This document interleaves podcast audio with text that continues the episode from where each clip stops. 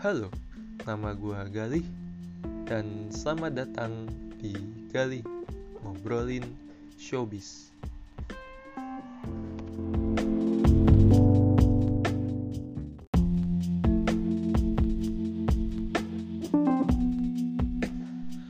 Di episode 3 ini, gua mau ngobrolin film Indonesia yang baru aja gua tonton di bioskop. Dan film tersebut adalah satu film yang gua obrolin di podcast episode 2 kemarin. Ya, film itu adalah Doremi and You. Yang belum tahu apa itu Doremi and You, gua jelasin lagi deh ya. Doremi and You ini adalah film dari rumah produksi Good Work yang merupakan film panjang kedua dari sutradara BW Purba Negara yang di tahun 2017 lalu membuat film berjudul Ziarah. Doremi You ini dibintangi oleh Adila Rafa Naura Ayu atau singkatnya adalah Naura. Nama anak-anak sekarang panjang-panjang ya. Dan kemudian ada Nashwa Zahira, Fatih Unru, Toran Waibro, dan Devano Danendra. Gue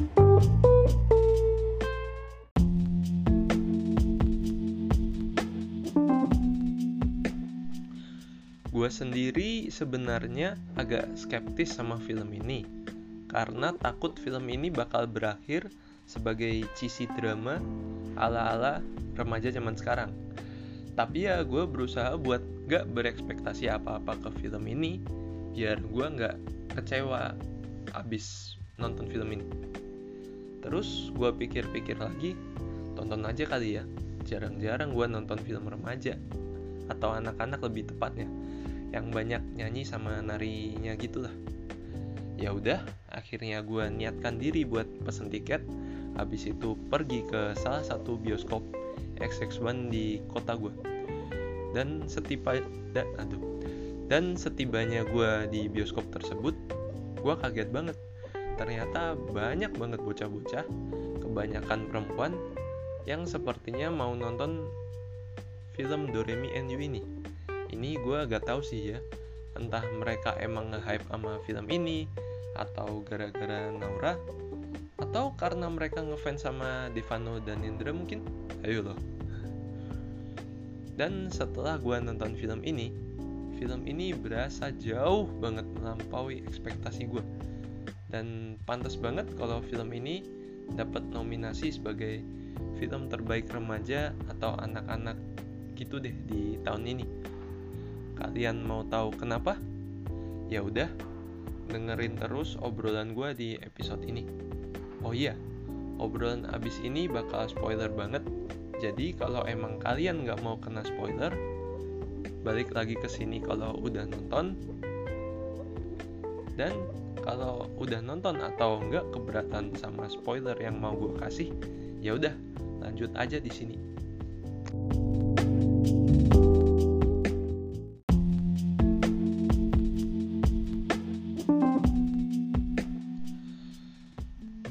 You ini berfokus pada empat sahabat, yaitu Putri, Anissa, Imung, dan Markus, yang berusaha untuk mengikuti kompetisi menyanyi bertajuk Doremi You, dengan tujuan untuk mengganti uang ekstrakurikuler yang secara tidak sengaja mereka hilangkan. Ya, seperti yang gue bilang, fokus dari film ini adalah mereka berempat, dan kita juga diajak untuk memahami masalah-masalah yang mereka hadapi. Selain permasalahan internal antara empat sahabat tersebut tentunya ya. Sesekali kita menyusuri kehidupan Kak Reno atau Reno gitu. Asisten pelatih padus dari empat sahabat ini. Yang akhirnya sedikit menambah side story di film ini. Permasalahan yang mereka hadapi di film ini menurut gue adalah hal yang sangat lazim dialami oleh para remaja masa kini. Satu contohnya adalah ketika kamu mau ujian, kamu diminta buat nggak boleh ngeluyur. Tapi ya, seperti remaja kebanyakan, kamu tetap ngeyel dan kemudian kena marah sama anggota keluargamu yang bikin kamu gak boleh ngeluyur lagi sampai ujian selesai uh, sebenarnya ada beberapa lagi cuman ya walaupun masalah-masalah yang muncul di film ini terdengar lazim tapi masalah-masalah ini terasa tidak terlalu benar-benar menghambat. Karena ya seakan cuma lewat doang gitu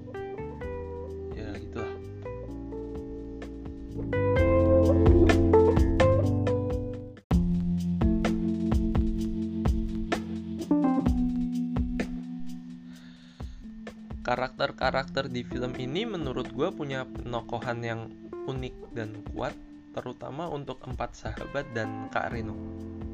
Tapi di film ini gue bingung sebenarnya siapa sih spotlight dari film ini. Apakah si Putri atau Anissa atau Markus atau bahkan Kak Reno? Kenapa kenapa Imung nggak gue sebut di situ? Karena karakter dia ini nggak punya backstory sendiri. Dia sendiri juga nongolnya bebarengan. Minimal bareng salah satu dari empat orang yang gue sebutin di atas. Yang bikin gue nggak tahu dia ini sebenarnya punya masalah pribadi atau kagak sih. Ya walaupun backstory yang minim punya imung ini ditutupin sama penokohannya yang cukup kuat atau bahkan paling kuat di antara karakter lain gitu. Justru yang punya backstory cukup kuat di film ini adalah Anissa, Markus, dan Kak Reno. Yang bikin gue paham sama tindakan yang mereka lakukan sekaligus bikin gue peduli sama karakter mereka di film ini. Yang bikin gue bingung lagi Putri ini diarahkan buat jadi spotlight sepertinya ya. Tapi ya dia nggak punya backstory maupun penokohan yang kuat karena bagian yang dia miliki ini terasa kurang kuat dibanding sama empat karakter lain gitu.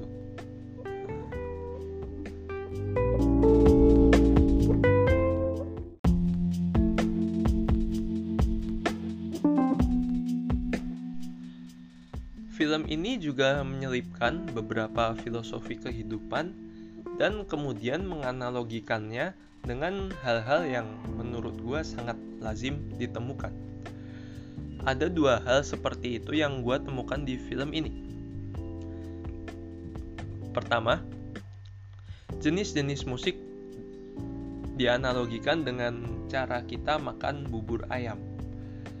Ada orang yang suka jenis musik A, dan ada juga yang suka jenis musik B tapi ya bukan berarti yang dia sukai itu yang paling bagus, karena bagus tidaknya sesuatu itu sangat relatif. Dan jika orang menyukai musik A, bukan berarti dia tidak tahu musik B. Ya, yang jelas A dan B ini sama-sama bagus, tergantung dari penilaian kita.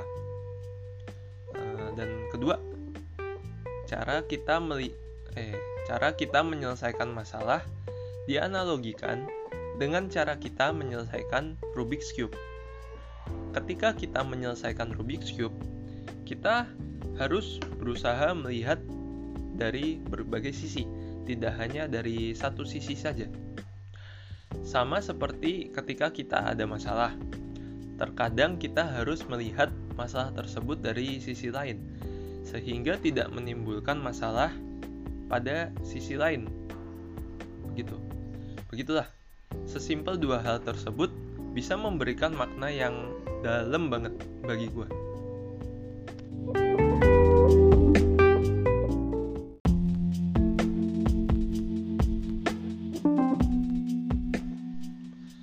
Dan seperti yang gue lihat di trailer, jualan utama di film ini adalah musik, terutama nyanyian-nyanyian dan menari-nari. Ya, film ini mampu memaksimalkan adegan-adegan yang relate dengan musik dan menari tersebut, sehingga ya menambah nilai estetika dari film ini, yang bahkan menurut gue menutupi kejanggalan-kejanggalan yang muncul di film ini. Sebagian besar karakter, terutama yang berpengaruh ke, ke cerita, diberi kesempatan untuk memainkan alat musik, bernyanyi, menari, atau ketiganya atau kombinasi dari tiga hal tersebut. Selain itu, adegan-adegan lain juga diselipin nyanyi-nyanyian yang walaupun menurut gue bagus, tapi terkadang terasa out of place di bagian tertentu. Segala musik yang muncul di film ini menurut gue bagus banget dan punya ciri khas masing-masing. Dan ternyata pas gue lihat di kredit scene-nya, penata musik dari film ini adalah Andi Rianto yang bikin gue nggak kaget kalau musik di Doremi NU ini bisa bagus banget gitu loh. Dan buat soundtrack yang bagus menurut gue ada tiga yaitu Hari Ini Indah terus apa ya? Harmoni sama Cintaku Hilang uh, coba cari aja di Google atau di YouTube atau di musik streaming gitu kayaknya udah ada deh semuanya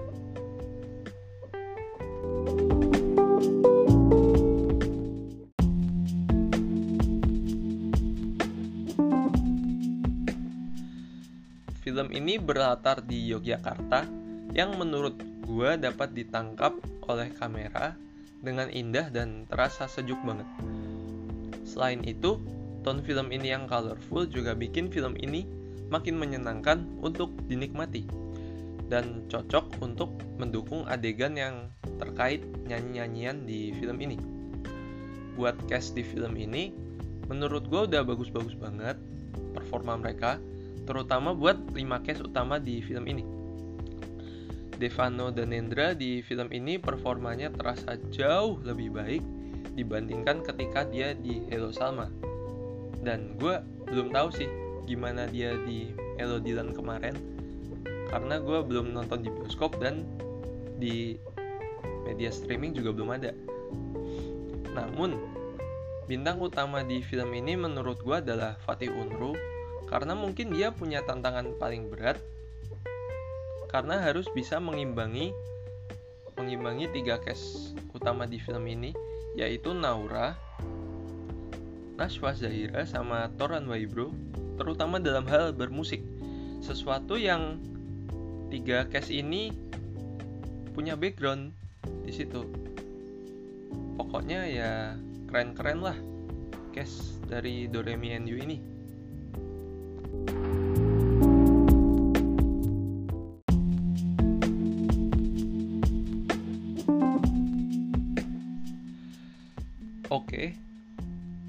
Berakhirlah sudah episode 3 dari Galih Ngobrolin Showbiz ini. Buat kalian semua, tontonlah Doremi NU ini di bioskop kesayangan kalian. Jangan lupa, ajakin orang-orang buat nonton film ini, apalagi anak-anak atau remaja.